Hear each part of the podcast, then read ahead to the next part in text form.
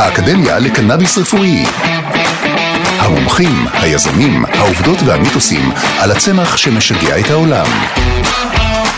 מגיש עומר זרחיה מטעם המכללה האקדמית עמק יזרעאל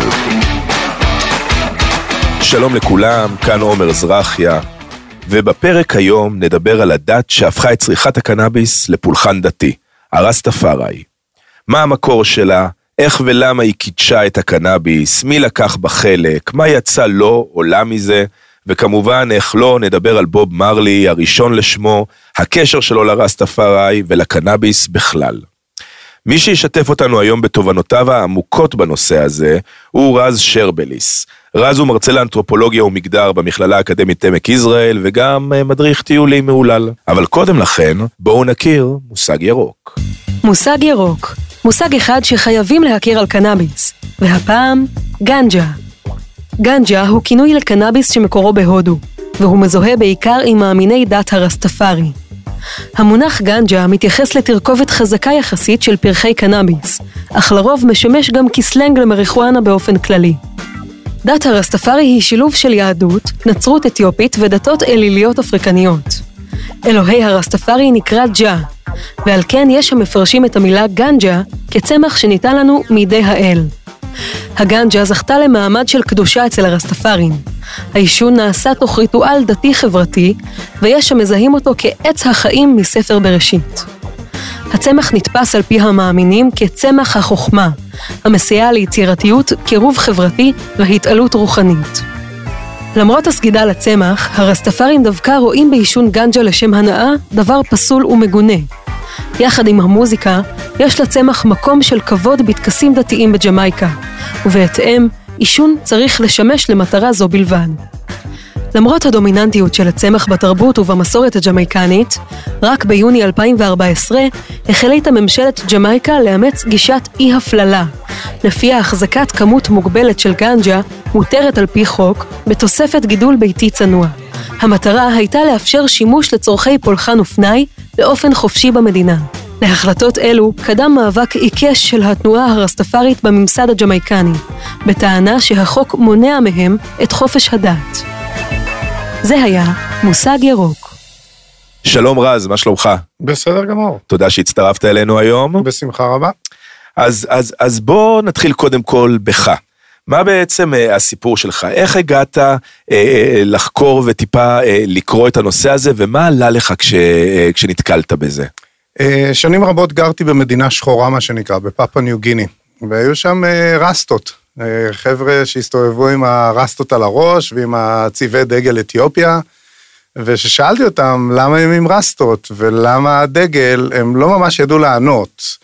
אה, ואז התחלתי להיכנס לזה ולחקור קצת ולהבין שלמעשה יש פה איזה קטע של מחאה נגד אופרשן, נגד הצבע הלבן, הקולוניאליזם, אימפריאליזם.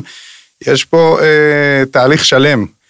אה, ולאור העובדה שבוב מרלי הוא השגריר אולי הטוב ביותר של הרגעי וג'מייקה. ו... אפילו במותו הוא עדיין השגריר הטוב ביותר. עדיין, עדיין, בהחלט, בלי צל של ספק, ועושה את עבודתו נאמנה. אה, אז זה משך אותי. אה, בגלל שאני גם מרצה למגדר, אולי נרחיב על זה בהמשך, זה משך אותי, האם לוחמי החופש האלה הם אכן לוחמי חופש, ולאן הם לקחו את לוחמת החופש הזו בהמשך דרכם. כך שזה מעניין. אז בוא, אז בוא באמת ניקח אחורה ונתחיל בהתחלה. מה זה בכלל הרסטפארי? מה הקשר שלו לרסטות ומאיפה הכל התחיל? אז הכל התחיל בג'מייקה למעשה. האפרו-ג'מייקנים, אפרו-קריביאנס, אוקיי, היו תחת אה, שלטון אדם לבן, כל המהלך של הבאתם ליבשת החדשה, מה שנקרא, אה, הביאו אותם בתור עבדים, וכשהם השתחררו עדיין הם היו כבולים. יש הטוענים שהרסטות מסמלות את הכבלים, את החבלים שאזקו אותם במעבר שלהם ממערב אפריקה, שזה אחת הפרשנויות לרסטות, יש עוד, שנרחיב את זה בהמשך. ואז באמת, כשהם יצאו לחופשי, לפחות לכאורה, הם הרגישו שעדיין האימפריאליזם שולט בהם, והשלטון של האדם הלבן עדיין מנהל את חייהם, ורצו לפנות לחופש. הם הסתכלו ליבשת השחורה בתור מעוז החופש השחור, או מקור הגזע השחור, ויש הטוענים שבין היתר הם איתרו את אתיופיה בתור המדינה היחידה באפריקה שלא חוותה קולוניאליזם. צריך לסייג את זה קצת, כי האיטלקים אה, כן כבשו את אתיופיה, אבל איטלקים כמו איטלקים יותר קשורים לכוס קפה שלהם ולפסטות מאשר לכיבושים מוצלחים ומלאי גלוריפיקציה שכזאת. אני לגמרי בצד שלהם. כן, עדיף אספרסו מאשר לכבוש, גם אם זה כיבוש נאור. אה, אבל איך זה הגיע מג'מייקה לאתיופיה בעצם? איך הם אה, עשו את המהלך לא, הזה? זה, זה נלקח מאתיופיה לג'מייקה. התנועה הייתה הפוכה, שהם הסתכלו על הקיסר היילה סילאסי, שהכינוי שלו זה רסטה פארי, שרסטה זה כמו לורד, זה מילת כבוד. אוקיי? אז הוא, השם שלו זה פארי. באיזה שפה? בשפה שלהם, באתיופית. מדהים.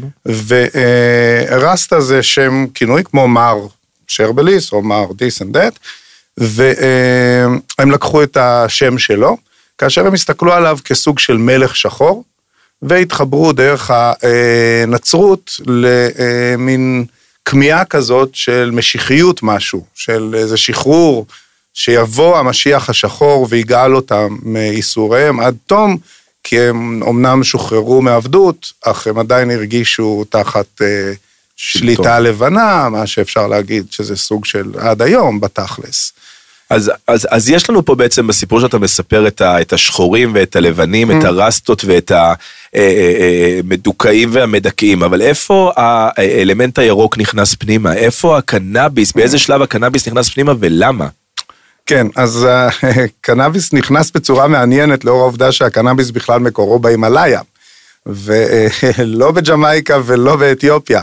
אך אה, אנחנו יודעים שהוא עשה את דרכו עוד בעולם הקדום, ונדד לו דרך האשורים, דרך השבטים ההודים של צפון הודו מההימאליה, והגיע לאורך ההיסטוריה למחוזות אה, רבים ורחוקים.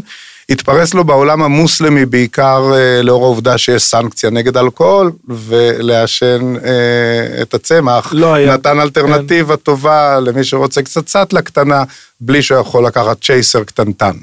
אה, אז זה ככה ריצה את העולם המוסלמי שחבק את כל הסער הפורה, וכמו שהקפה עבר מאתיופיה אה, לחצי האי ערב, כנראה הגראס גם עבר מחצי האי ערב לקרן מזרח אה, אפריקה. אה, בכל אופן, צריך לציין ואולי להרחיב את היריעה מעט, שזה לא איזו המצאה יחידה של הרסטפארי להשתמש בחומר שנקרא לא סם, או לצורך ההגדרה, כי אנחנו רואים את התופעות האלה בלא מעט מקומות אחרים בעולם, ופה באמת ניתן את הקטגוריזציה שזה משהו שהיה ריטואלי. זאת אומרת, אף אחד לא באמת שמע בוב מרלי ועישן צינגלה להנאתו. אה, המופעים האלה של אה, לשמוע מוזיקת רגעי ולעשן צינגלה להנאתך זה הזניה של המטרה המקורית של, ה, אה, של העישון. זאת אומרת, זה לא היה חלק מהרסטפארי. זה ממש לא היה חלק, ויש הטוענים שזה מנוגד לעניין, שזה אה, פישוט, חילון מהמילה חול, להפוך את זה לדבר של חול, אה, ופירוק הקדושה שבדבר. זה היה, אה, ועדיין, משמש לצרכים ריטואליים, זאת אומרת, דתיים. טקסים דתיים עמוקים שהם דתיים אה, השתמשו בהם. שלא כל אחד יכול לבוא ולצנגל לו להנאתו, אלא יש לזה מטרות, ואם הרחבנו קצת, אז רק נזרוק לפינות עולם כדי לגוון. אז אנחנו רואים את אה, טקס הקאבה בפיג'י לדוגמה, שזה שורש של צמח פלפלי. עוד אנחנו יכולים למצוא כמובן את האיוואסקה, שמגיע מהאגן של האמזונס, שזה קוקטייל של כל מיני צמחים, אה, שמשמש לשמניזם. זאת, זאת, זאת אומרת בעצם מה שאתה אומר זה שכל תרבות או כל דת בחרה לעצמה במסגרת הריטואלים איזשהו substance, איזשהו חומר, נכון. שיעשה איזשהו אמפליפיקציה, uplifting של, כן, אה, שיוציא של החוויה, והרסטפארי בחרו בעצם, בין היתר, אני מעריך, אה, בקנאביס. כן. ובמסגרת הטקסים, הוא באמת יצר שם איזושהי חוויה שהיא מעבר לפיזית. וכאשר כן. אתה אומר אנשים התחילו להשתמש בזה on a day to day basis ב- ביום יום שלהם, אז, אז המאמינים באמת, האלה שממש קנאים לדעת, ראו בזה כאלמנט בעייתי. כי זה נכון. בעצם מזנין מבחינתם את הטקסים הקדושים נכון, ביותר. לגמרי. ה- ה- הדיוק, אני חושב, מבחינתי יהיה יותר, אה, פחות מההתרוממות של האירוע, כמו שהיכולת של השמניזם או הכהני דת אה, להגיע לתודעה אחרת, ומבחינתם לתקשר עם אלים או עם ישויות אחרות, תלוי איפה אנחנו מדברים. אה, כך שיש כל מיני אה, קומפוזיציות שיש להן מטרות חברתיות מאוד מאוד ספציפיות, והן לא לסטל את כל הקהל, אלא למנהיגים ולכהנים, או למי שמוביל, השמן, תלוי במקרה, לעלות לאיזו תודעה אחרת לתקשור. מדהים. עכשיו, כשאנחנו מסתכלים על זה היום, הרסטפארי, אנחנו מדברים פה על דת שמבחינת שנים, על מתי אנחנו מדברים שכל הדבר הזה בעצם התחיל? לפני כמה זמן? ממאה שנים אתה מקבל עודף, זה, זאת אומרת, זה צעיר. זה משהו מהמאה, מהמאה האחרונה, כן. כשהדמות הבולטת בה זה בוב מרלי. המשווק. ה- המשווק, כן, נכון, כן. המשווק הבולט זה בוב מרלי. כמה- הפרזנטור. כמה אנשים הם, הם חלק, היו או היום, אנחנו מדברים על עשרות אלפי אנשים. שמפוזרים? מפוזרים היום, אה, תלוי בהגדרות, כי רסטה אתה רואה בהמון מקומות, כן? מה זה, דיז- דיזנגוף סנטר מפוצצת? דיזינגוף סנטר מפוצצת, וכל מפוצץ. מקום שהולכים בו, אה, אה, אז מוצאים בסך הכל. אה, אבל שוב, זה, זה לא הדת הסדורה, לא שאני מנסה חס וחלילה לפגוע באמונתו של איש. ובזהות שלו וכן הלאה. יש מצב שלקחו את האלמנטים של הזהות, של המרד, של המחאה, בגלל זה הצבעים הם דגל של אתיופיה. אה, בגלל זה הרסטות כן נחשבות, חוץ ממה שאמרתי קודם, בשונה יש שאומרים שזה דומה לרעמת אריה, אוקיי?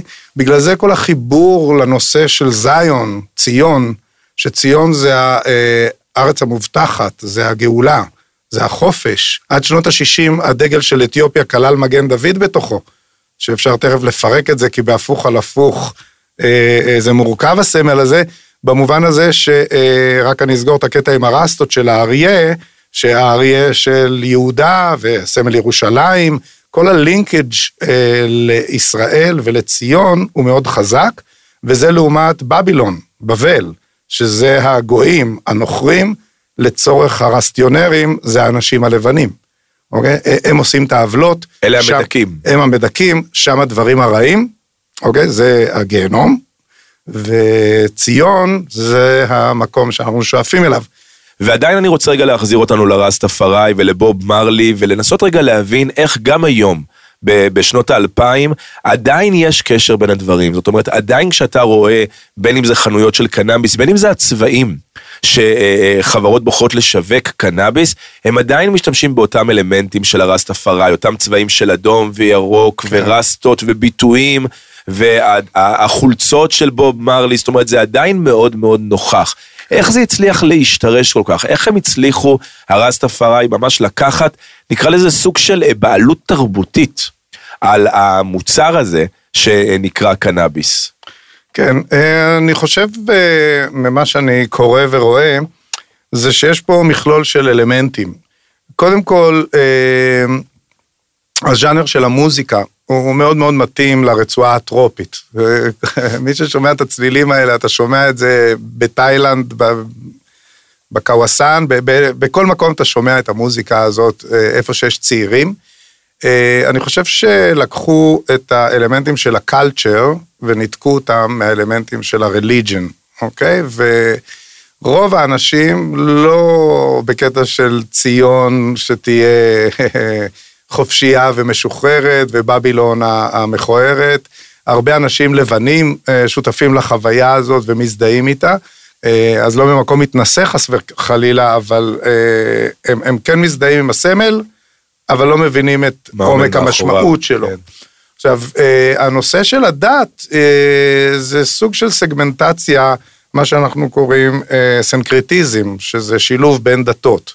יש את הדת עם אלמנטים אפריקאים וכן הלאה, ויש את הדת הנוצרית, שפה זיון וכל הנושא של המשיח ו- וכל הטרמינולוגיה, אה, וברגע שהדת הזאת בנתה את עצמה, היא שיווקה משהו שקשור לחירות. עכשיו, כל אחד לקח את החירות למחוזותיו. זה התחיל בתור חירותם של השחורים מהמגף של הלבנים, שצועקים שבע דקות, אני נחנק, אני נחנק, ואף אחד לא שומע, אז רצו להוריד את הרגל הזאת. אה, וזה מצא חן בעיני, או התאים ללא מעט אנשים, הנושא של אופרשן, של אה, להשתחרר מכפייה.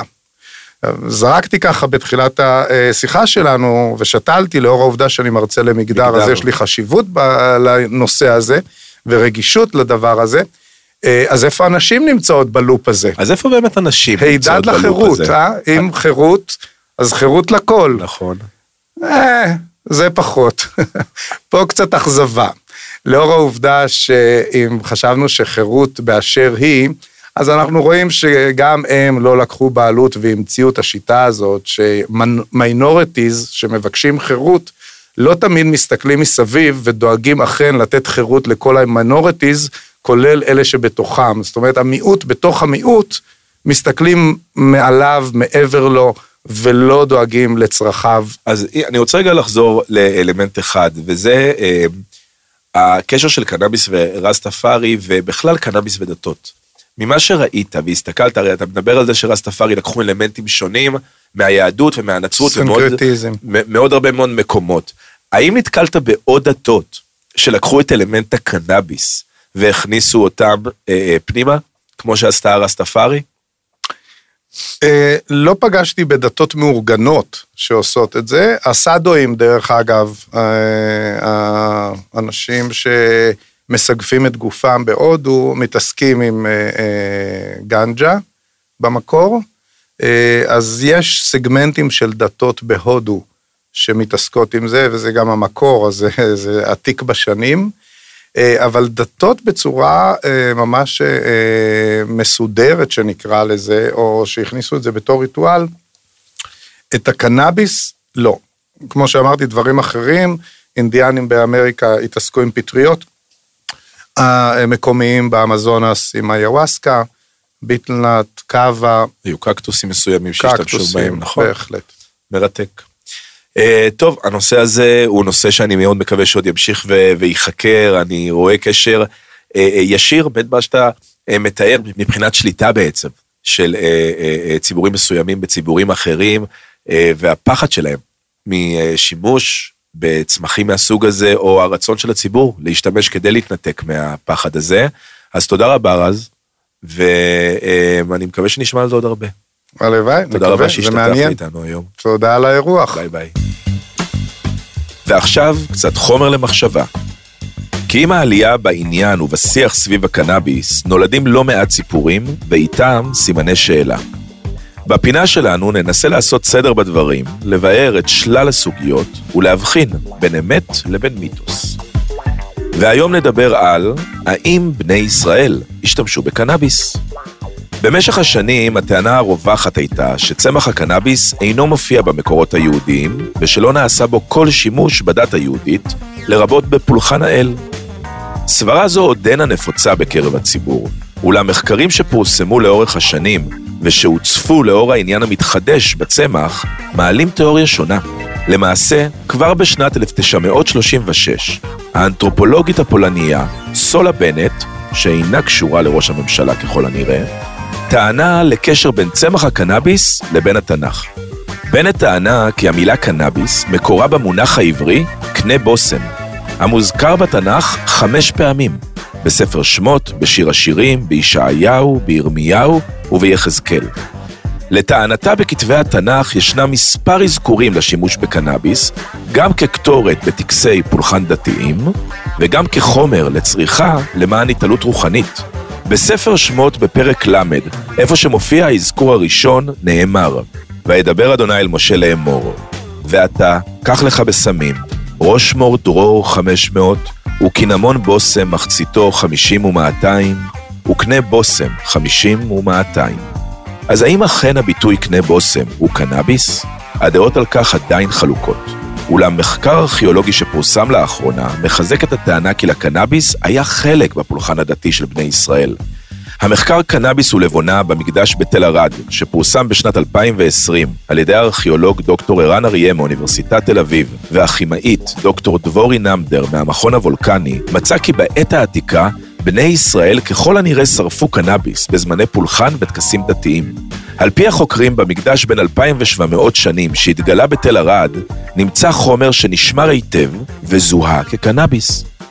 בבדיקות שהחוקרים ערכו בחומר, אותרו שרידים של THC, CBD ו-CBN, הקנמינואידים המצויים בצמח הקנאביס, מה שמצביע לטענתם על מובהקות בגילוי.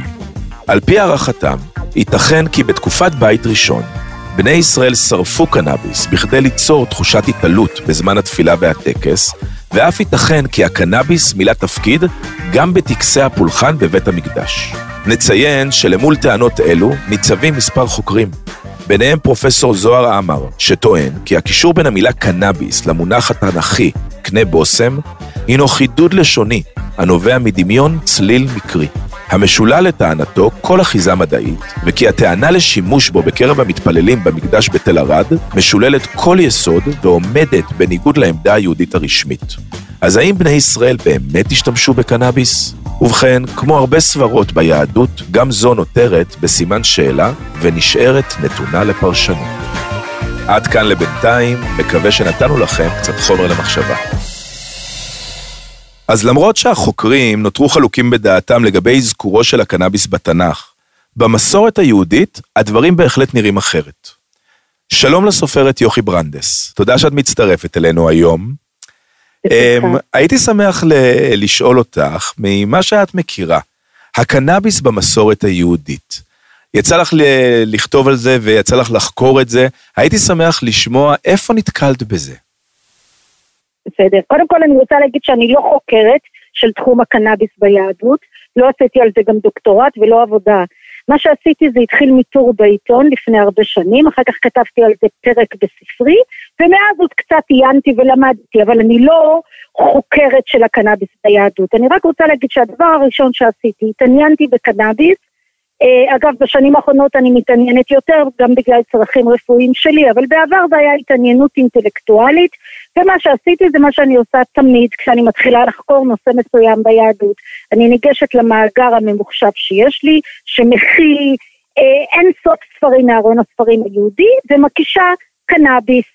לא עולה לי כלום כמעט, ואז אני עושה קנאביס באותיות אחרות, ופתאום אני מגלה קנאבוס, כך זה נקרא במקורות היהדות. אגב, אז, לפני שמונה שנים גיליתי אלפיים, בינתיים גיליתי עוד אלפיים לפחות.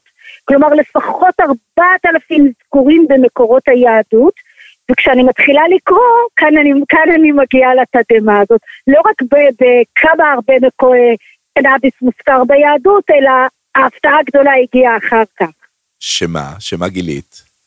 שמה, אני חשבתי שיהיה יחס שלילי. בכל זאת, זה ממסטל, זה הורס את התודעה, הרופאים אומרים חלק, היום כבר פחות, אז אמרו זה מזיק, מערכת הממסד הרפואי, או לפחות אה, הממסד אה, במדינת ישראל אוסר על זה, וזה אסור, ו... אז חשבתי שיהיו בוודאי הרבה דעות שליליות ביחס לזה, אולי גם כמה חיוביות. ונדהמתי לגלות שכשאני עוברת על המקורות, אני מודה, לא עברתי על כל האלפיים וגם לא על כל הארבעת אלפים, אבל אתה יודע, עברתי על העיקריים, כן. עברתי על ההוגים המרכזיים. אני מופתעת, נדהמת לגלות שאין שום אזכור שלילי לקנאביס. מדהים. כל האזכורים הם או ניטרלים או חיוביים, או ניטרלים או חיוביים. ומה שהכי הדהים אותי, זה שאני מגלה אזכורים, אני מגלה מקורות שהם הם מדברים על הקנאביס לא כאל דבר, אה, וואו, אתם יודעים, יש דבר כזה, וזה ממסטל, וזה וואו. לא, הם מדברים על אה, קנאביס כמו שאנחנו, כמו שמדברים היום על שיבולת שועל, על אורז, על, אה, על אה, יין, אפילו, אפילו פחות מאשר יין, כי יין יש לזה גם אה, הקשרים שליליים, מדברים על זה בצ- בצורה הכי טבעית.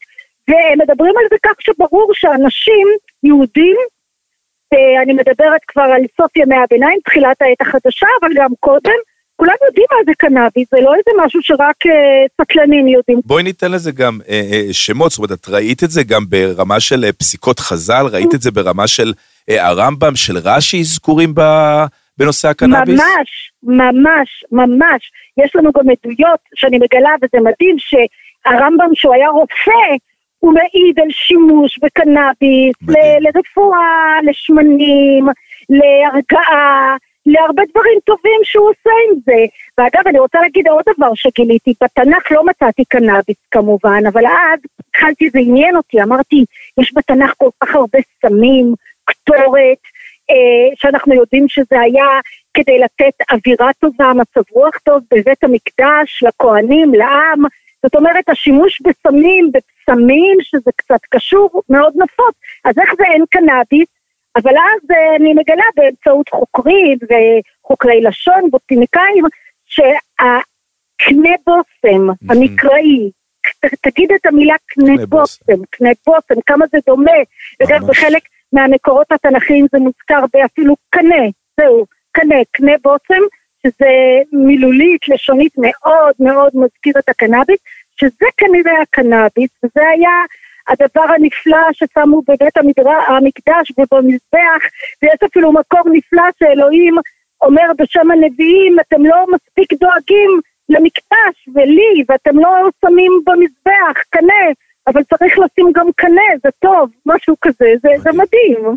מדהים, אז בעצם מה שאת אומרת זה שלאורך כל המסורת היהודית את ממש זיהית אזכורים של השימוש בקנאביס, ולא רק שזיהית את האזכורים, גם הם בכולם היו בין ניטרלים לבין חיוביים. זאת אומרת שלאורך כל השנים יש מסתמן שימוש בזה גם בקרב אה, אה, גדולי הדור של אותה תקופה. יש לנו את אחד ההוגים המרכזיים שלנו, מאוד מאוד משמעותי, הוא היה גם אה, תלמיד של הארי, מקובל ידוע, והוא מספר, הוא רוצה לדבר על הקנאביס, לספר, והוא אומר עליו בהתפעלות, הוא אומר, הקנאביס עושים בו שימוש כזה, ואפשר לאכול אותו, ואפשר לעשות לו שמן, ואפשר לרפא איתו, ואומרים שהוא משמח. עכשיו, כשהוא אומר אומרים שהוא משמח, הוא בעצם אומר, אני לא הרגשתי את הממד הזה של השמחה שהוא נותן, אבל יש אנשים שלוקחים את זה ואומרים שהוא משמח, וזה נפלא, ושוב, בלי שום דבר שלילי, הכל בסדר, יש, אה, יש אה, צמח, שיש כאלה שמרגישים מצב רוח טוב בעזרתו, נהדר, למה לא? שמחה זה דבר חיובי מאוד. מדהים, השמחה הזאת אה, אה, אולי גם תיקח אותנו רגע למסורת החסידית, כשמסתכלים על התקופה נכון. של הבעל שם טוב, של קרליבך, של הברסלבים, את זיהית גם שם האזכורים של הנושא? ואני רוצה להתייחס על הבעל שם טוב, כי כתבתי עליו, אחרי שפרסמתי את המאמר על הקנאביס, רק אז נכנסתי לתוך עולם החסידות עמוק וכתבתי וחקרתי על הבעל שם טוב וכתבתי את הספר אדל על הבעל שם טוב. עכשיו אני מספרת לך משהו ממש אישי. כשאני קוראת על הבעל שם טוב, אני קוראת על עליות הנשמה שלו. זאת אומרת, הוא עובר חוויות, אקסטזה, בשבילו זה אקסטזה דתית, ממש חזקות. וחזקות מדי, אף אחד מאיתנו כמעט שישמע על החוויות של הבעל שם טוב לא ירצה לחוות את זה, לחוויות חזקות. עכשיו הוא לא מדבר על קנאביס, אבל הוא מספר, או יש לנו עדויות שמספרות, כי הוא פחות השאיר אחריו בכתב, שהבעל שם טוב נהג, הוא למד בקרפטים מהחברים הגויים שלו בקרפטים איזה חומרים עושים את זה, והיה לו ליל כמקטרת, והוא מילא את זה בחומרים טובים, וזה עזר לו לעשות עליות נשמה. עכשיו, אני יודעת, אני בעצמי מעת לעת מעשנת קנאביס, ואני יודעת שזה עושה מצב רוח טוב, אבל זה לא עושה את החוויה המטורפת של הבשט. אני כסופרת רוצה להרגיש מה, מה זה הדבר הזה שהבעל שם טוב הרגיש? רק להרגיש פעם אחת. אני, אני כסופרת לפעמים מתנסה בדברים מורכבים, בעייתיים, כי אני רוצה לחוות אותם כדי לכתוב עליהם. אני לא מצליחה, ואז חברה שלי שמסתובבת בקרפטים, אני אומרת לה, תביאי לי חומרים טובים משם, היא מביאה, אסור, ולא, ולא יעבור, היא מביאה לי את זה, ואני מעשנת אותם, וזה לא עושה לי שום דבר. זאת אומרת, אני לא הצלחתי לזהות את החומרים שהבעל שם טוב השתמש בהם, וכנראה אצלו זה גם היה חוץ מזה איכויות רוחניות שאין לי. אבל הטבעיות הזאת שבה הבעל שם טוב מספרים עליו שהוא עישן חומרים שסיבכו אותו, אגב, החסידים מסביבו לא עברו אקסטזות כאלה, אבל הם עישנו כל מיני דברים שגרמו להם לשמוח ולשווה אפילו, ואפילו במידה מסוימת חומרים משני תודעה, וזה היה מעת לעת, וזה נהדר.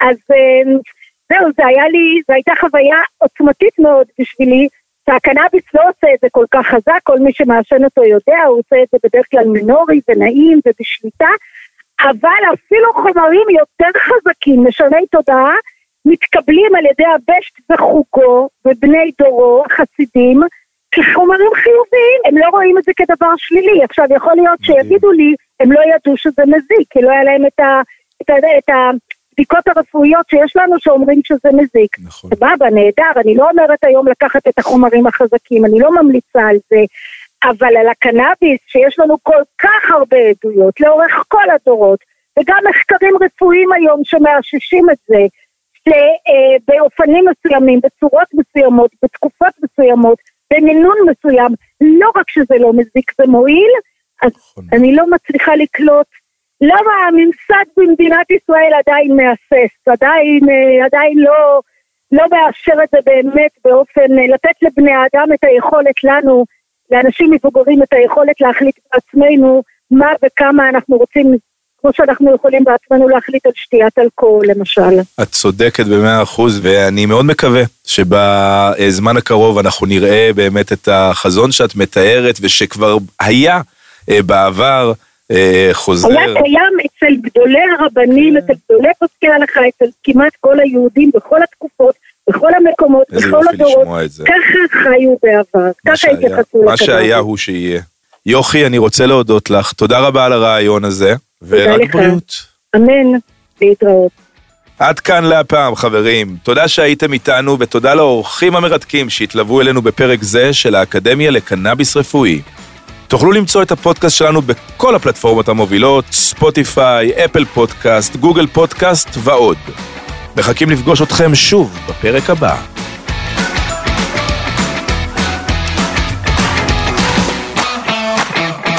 הפודקאסט אינו ולא נועד להיות ייעוץ רפואי מכל סוג שהוא, ואינו מהווה תחליף להתייעצות עם רופא. הוקלט באולפני אדיו, המשווקת את Spotify בישראל.